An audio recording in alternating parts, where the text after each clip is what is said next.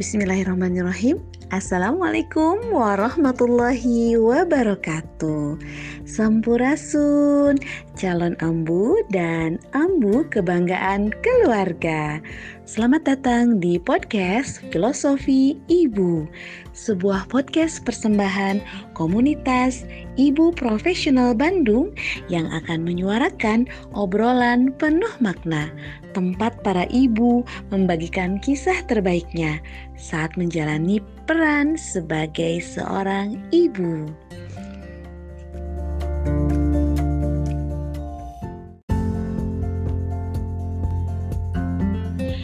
Baik, para ambu, sebelumnya izinkan saya untuk memperkenalkan diri. Saya Emma Halimah, biasa dipanggil Emma. Saya merupakan perwakilan dari Rumble Public Speaking. Dan insya Allah pada podcast Filosofi Ibu kali ini kita akan mengangkat satu tema hebat yaitu Al-Quran adalah healing terbaik.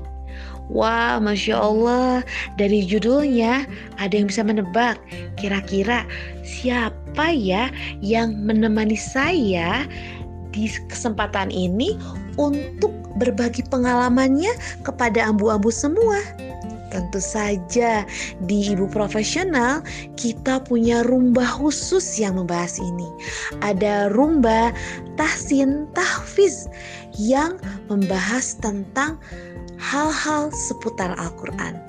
Dan pada kesempatan ini sudah hadir bersama kita dua narasumber dari Rumba Tahsin Tahfiz. Yang pertama ada Teh Sresta dan yang kedua ada Teh Fitri. Kita akan mendengarkan pengalaman dari beliau berdua tentang bagaimana menjadikan Al-Quran sebagai healing terbaik. Langsung saja kita kenalan ya sama dua narasumber kita kali ini. Oke, okay? baik siapa nih yang mau kenalan duluan? Oke, okay. Assalamualaikum Tes Resta. Boleh silahkan dimulai perkenalannya.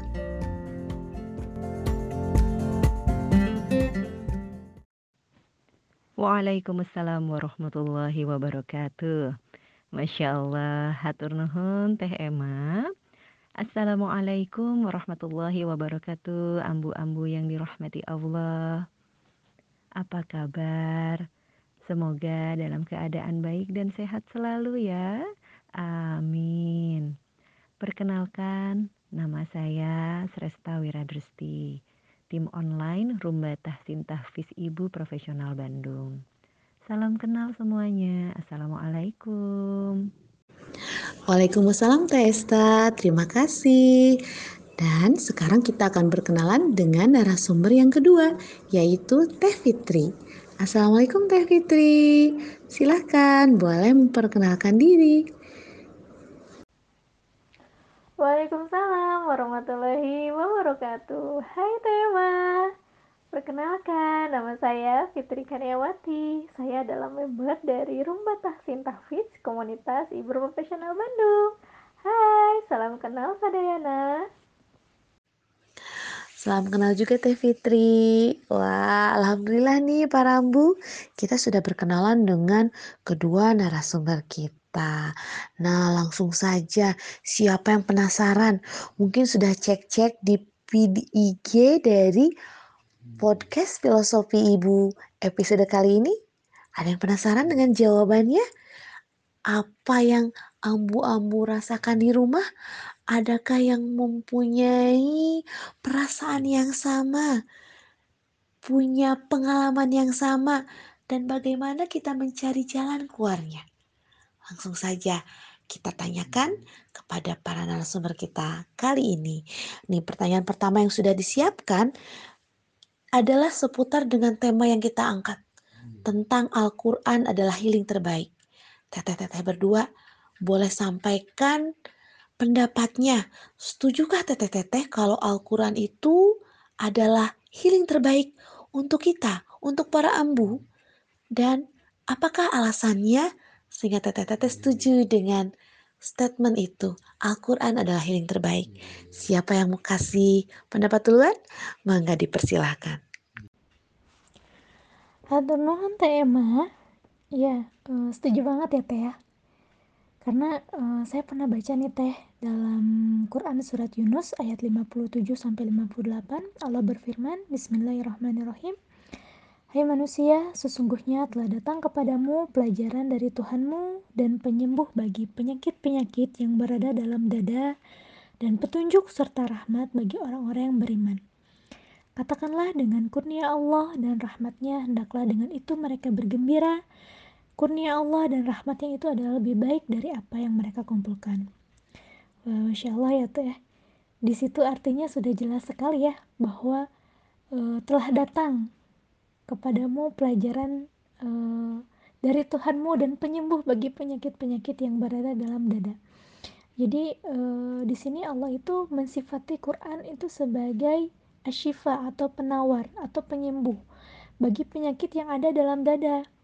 Jadi kalau ibaratnya saat kita itu lagi sedih, kita down, kita ngerasa nggak mampu, berarti kita uh, perlu berobat ya teh karena ada yang salah dengan diri kita, ada yang harus kita perbaiki. Kemudian bagaimana caranya kita untuk memperbaikinya? Dan salah satunya adalah lewat Quran. Jadi obat hati ini sebetulnya udah Allah spilote dari zaman dulu banget ya. Bahwa semua ada di Quran, maka gak heran kenapa Al-Quran itu Allah jadikan sebagai pedoman hidup. Karena Allah tuh sayang banget loh teh gitu Allah tuh tahu dalam perjalanan kita di dunia ini kita akan merasakan lelah, kita akan ngerasain sakit, kita akan ngerasain merasa tidak mampu, stres gitu ya. Lalu Allah kasih nih obatnya ya. Obatnya ada di sini dalam Quran gitu. Karena ternyata ya teh ya uh, obat yang selama ini kita sangka dapat mengobati ternyata kurang berefek mungkin ya teh. Seperti misalkan aduh capek pengen jalan-jalan gitu ya. Ternyata setelah kita jalan-jalan ya lebih capek lebih pusing lagi ya uang kita habis misalkan seperti itu. Atau misalkan aduh lelah habis seharian e, berkegiatan oh ya udah kita scrolling sosmed misalkan kayak gitu. Malah hati kita malah makin lelah ngelihat e, nikmat orang gitu ya. Jadi kita tuh ih enak ya enak ya gitu. Wah makin apa ya makin terbebani malah seperti itu teh. Jadi kalau misalkan tadi teteh bertanya setuju nggak? Ya setuju banget lah teh. Back to Quran. Jadi segala sesuatu itu segala obat udah Allah kumpulin semuanya udah komplit ada di Quran. Seperti itu teh ma. Masya Allah. Udah diborong semua nih sama Teh Fitri ya. Secara keseluruhan iya betul. Dari sisi Al-Quran sebagai healing terbaik itu ya benar banget gitu. Karena di ayat tersebut disampaikan bahwa Al-Quran itu telah datang kepadamu dari Tuhanmu. Tahu, kalau kita runut lagi bagaimana cara turunnya, yaitu ada di uh, bait 28 Al-Jazari disampaikan li'annahu bihi ilahu anzala wa minhu ilaina wasala karena Al-Quran itu turun di Allah itu turunkan dengan tajwid.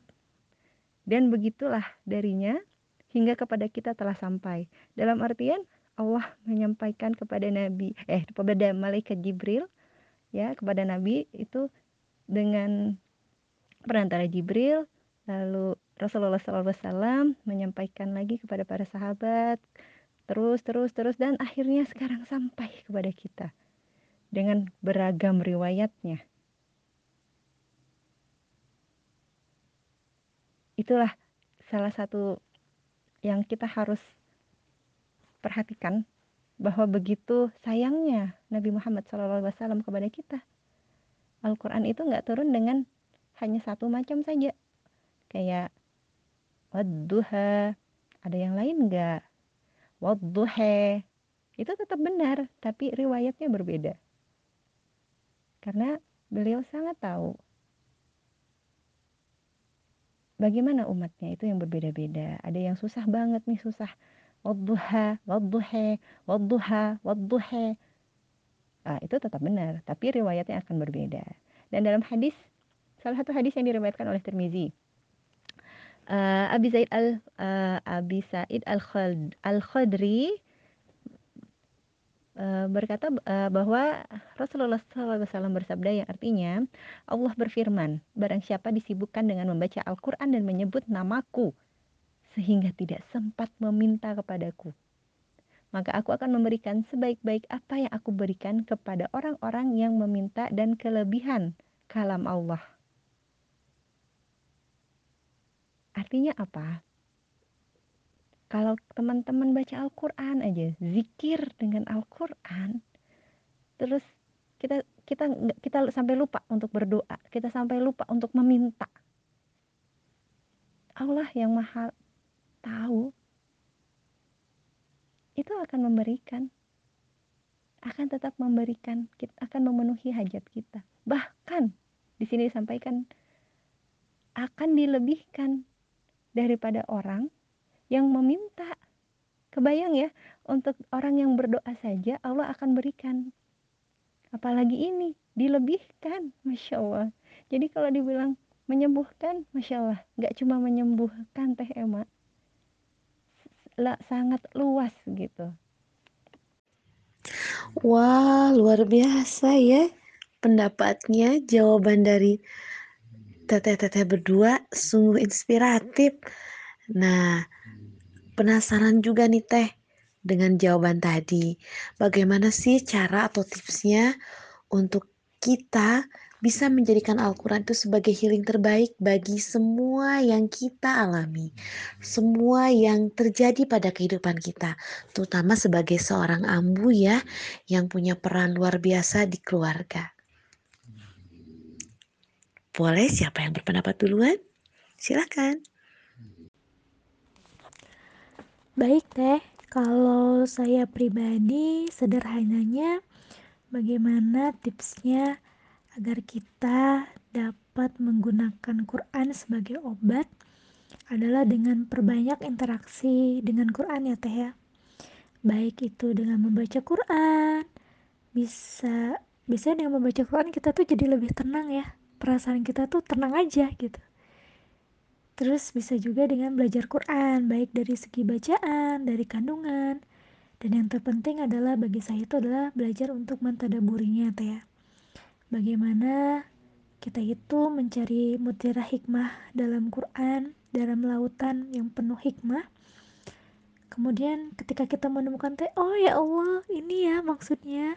Oh ya Allah selama ini aku salah gitu oh ya Allah terima kasih gitu. Jadi uh, kita itu memahami apa yang Allah sampaikan apa yang ingin Allah kasih buat kita. Seperti itu. Nah terus sekarang misalkan gimana nih ya sebagai ibu gitu ya. Sibuk dengan mengurus anak sibuk dengan kegiatan hariannya kadang susah untuk mengatur waktu gitu ya. Kadang ada pikiran ya Allah susah banget gitu ya Nah, intinya adalah luangkan waktu, jangan sisakan waktu. Jadi belajar Quran itu jika uh, disempatkan teh dikasih waktu tertentu di ada plotnya gitu di plot gitu dalam harian tuh. Bukan sisa ah nanti aja misalkan kalau udah nyantai baru belajar Quran. Nah kalau kayak gitu nah itu nggak akan bisa bersisa malah ya habis terus gitu karena peran kita itu peran sebagai seorang ibu, sebagai agen perubahan, peran yang sangat penting dan Allah sudah berikan banyak contoh, banyak uh, tokoh-tokoh, banyak kisah-kisah yang kita bisa dapat ambil hikmahnya. Bagaimana caranya kita bisa mengambil hikmahnya? Tentunya dengan belajar. Jadi semangat, semangat belajar seperti wahyu pertama yang Allah sampaikan kepada Nabi Muhammad SAW adalah Iqra, artinya bacalah, memerintahkan kita untuk menggunakan akal pikiran kita untuk belajar. Jadi semangat untuk menyelami setiap uh, hikmah Quran, setiap mutiara Quran, semangat menjalani kehidupan agar kita bisa selamat ya di dunia dan akhirat tentunya. Semangat. Masya Allah tips untuk menjadikan Al-Quran sebagai healing terbaik ala saya yang masih fakir ilmu dan masih banyak dosa ini ya kita prioritaskan Al-Quran. Jadi sebelum memulai hari, prioritaskan diri kita dulu. Kebanyakan dari kita bangun tidur, langsung ngurusin yang lain, orang lain, pasangan, anak, seperti itu ya, atau anggota keluarga yang lain yang ada di rumah. Nah, nanti bisa dicoba. Sejauh ini saya coba tips ini, alhamdulillah lebih lebih happy gitu ngejalanin hidup. Karena mungkin mungkin karena di kita mengawali harinya kita sudah berinteraksi dengan Al-Quran di mana Al-Quran itu adalah kalamullah kita sudah apa ya kita punya memperbaiki dulu hubungan dengan yang menciptakan kita yang memiliki dunia dan akhirat dan segalanya ini maka pada saat kita menjalani hidup berinteraksi dengan para makhluknya, masya Allah, itu juga jadi ke bawah baik gitu. Bukan berarti kita tidak tidak ada masalah ya, tapi pada saat kita punya masalah juga kita lebih tenang, kita lebih menerima dalam artian oke okay, ini adalah salah satu takdir aku untuk kita jalani hari ini. Kita dan selalu dapat dibimbing sama Allah untuk kita selesaikan dengan caranya Allah juga. Wah, Masya Allah, sungguh luar biasa tips-tipsnya ya para ambu. Semoga bisa menjadi pencerahan buat kita nih yang ingin mencari solusi untuk setiap permasalahan yang kita hadapi dalam perjalanan kita sebagai seorang ambu di keluarga masing-masing. Oke, ini pertanyaan terakhir nih. Bagaimana nih Teteh cara kita untuk menjaga keistiqomahan kita untuk mau mulai melakukan tips-tips tadi dan bagaimana supaya tetap istiqomah menjalaninya. Boleh berbagi trik-triknya atau apa yang sudah uh, dan sedang teteh-teteh lakukan sehingga uh, tips-tips yang tadi disampaikan masih atau selalu dilakukan oleh teteh-teteh. Boleh silakan Teteh. Masya Allah, menjaga istiqomah ya Teh, berat. ya, paling untuk menjaga istiqomah itu adalah selalu diingat kembali Teh. E, niat kita, kemudian ingat jihad kita adalah dengan diri kita sendiri. Jadi usahakan walaupun kita sedang down, kita tetap dijaga amalannya, tetap dekat dengan Quran, dijaga interaksinya. Kemudian yang kedua adalah cari lingkungan yang mendukung ya teh. Agar saat kita down, saat kita futur, kita masih bisa nih ke bawah. Kita bisa kembali balik lagi gitu. Biasanya orang yang misalkan yang udah apa ya, udah yang sering berinteraksi dengan Quran, ketika menjauh itu kadang Allah itu sering sering kali uh, mengingatkan gitu akan ada bergetar uh, hatinya ketika menjauh itu. Jadi Allah tuh kayak memanggil dan ketika panggilannya kita sahut kita ambil lagi maka Allah akan berlari lebih dekat seperti itu. Jadi tetap semangat tetap berpegangan tangan. Insya Allah uh, perjuangan kita di sini berlelah-lelah memang tempatnya berlelah-lelah tapi hasil yang kita dapat adalah di surganya kelak. Amin ya Allah ya Rabbal Alamin. Masya Allah. Mengenai bab keistiqomahan ini ya saya setuju dengan Teh Fitri tadi. Kita harus kembali lagi ke niat dan lingkungan. Nah kalau dari niat uh, mau nambahin aja bahwa bab niat ini adalah bab kejujuran. Jujur kita itu membangun hubungan dengan Al-Quran itu seperti apa udah sesuai dengan maunya Allah atau belum. Nah, itu jujur dulu. Lalu lingkungan tentu akan sangat-sangat berpengaruh. Jadi apabila nih apabila nanti ada majelis, kadang-kadang kan sekarang ada online dan offline gitu. Apabila bisa hadir langsung lebih ahsan. Karena pada saat bermajelis itu kita turun tuh keberkahan akan turun juga sayap-sayap sayap-sayap malaikat itu di majelis tersebut. Masya Allah, kita akan mendapatkan kemuliaan itu. Lepas dari kita memahami pemahaman kita dari dari materi di majelis tersebut gitu yang sudah pasti kita dapatkan keberkahannya dan keberkahannya itu berarti kita yakin gitu ya bahwa kalau berkah berarti ridho Allah itu ada di sana. Jadi pastikan keistiqomahan itu bisa terjaga dan apabila kita udah lagi hektik banget gitu ya lagi sibuk banget pada saat Al-Quran itu memang sudah masuk ke dalam kehidupan kita sehari-hari sudahlah dia akan mencari jalannya sendiri Masya Allah, sungguh luar biasa ya jawaban-jawabannya. Ternyata butuh keistiqomahan ya dari kita semua untuk menjadikan Al-Quran sebagai healing terbaik bagi kehidupan kita. Semoga kita semua dimudahkan oleh Allah dalam melakukannya dan mengamalkannya. Baik, tidak terasa Teh Esta dan Teh Fitri kita sudah di penghujung acara podcast kita kali ini. Sebelumnya saya ucapkan jazakumullah khairan sudah banyak berbagi ide, pengalaman, inspirasi untuk kita semua menjadi pencerahan yang luar biasa pada podcast kali ini. Nah, sebelum ditutup kami meminta kepada teteh-teteh berdua nih closing statementnya untuk menutup podcast kita kali ini. Silakan teteh. Quran itu petunjuk, Quran itu adalah obat. Bila saat ini diri kita sedang tidak baik-baik saja, tidak apa-apa. Mungkin Allah sedang kangen. Allah menunggu kembalinya kita dan Allah ingin kita mendekat kepadanya. Jadi dekati Quran, dekati Allah. Insya Allah akan kita temukan jawabannya. Baik, terima kasih Teh Emma. Dari saya, Closing statementnya adalah prioritaskanlah Allah. Al-Quran sebagai kalamullah, maka kita pelajari dengan benar sesuai dengan bagaimana Al-Quran itu turun dari Allah Subhanahu wa taala. Saat kita menjaganya, kita menjaga hak mustahak setiap hurufnya, kita hafalkan, kita menadaburi, kita amalkan.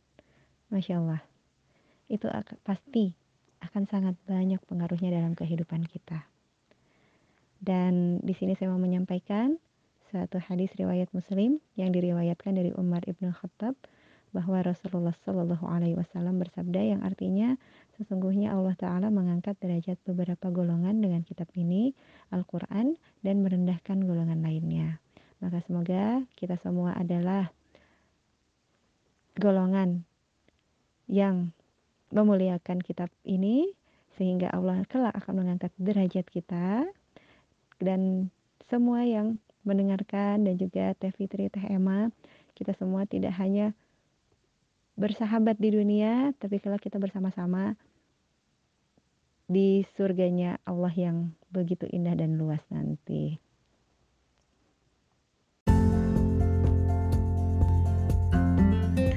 Wah, Masya Allah, sungguh luar biasa ya closing statement dari kedua narasumber kita.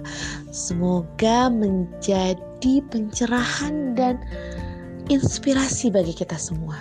Semakin menguatkan niat kita untuk menjadikan Al-Quran sebagai healing terbaik, petunjuk Allah yang menerangi dan menjadikan jalan keluar bagi seluruh permasalahan kita. Baik, sebelum ditutup, izinkan saya mengutip perkataan dari Imam Ibnu Qayyim al-Jauziyah. Beliau mengatakan, Allah tidak menurunkan dari langit obat yang paling banyak khasiatnya, paling manjur, paling dahsyat, dan paling mujarab untuk menyembuhkan penyakit melebihi Al-Quran. Masya Allah demikian podcast Filosofi Ibu episode kali ini. Sampai ketemu di podcast Filosofi Ibu selanjutnya. Sampai jumpa. Wassalamualaikum warahmatullahi wabarakatuh. thank you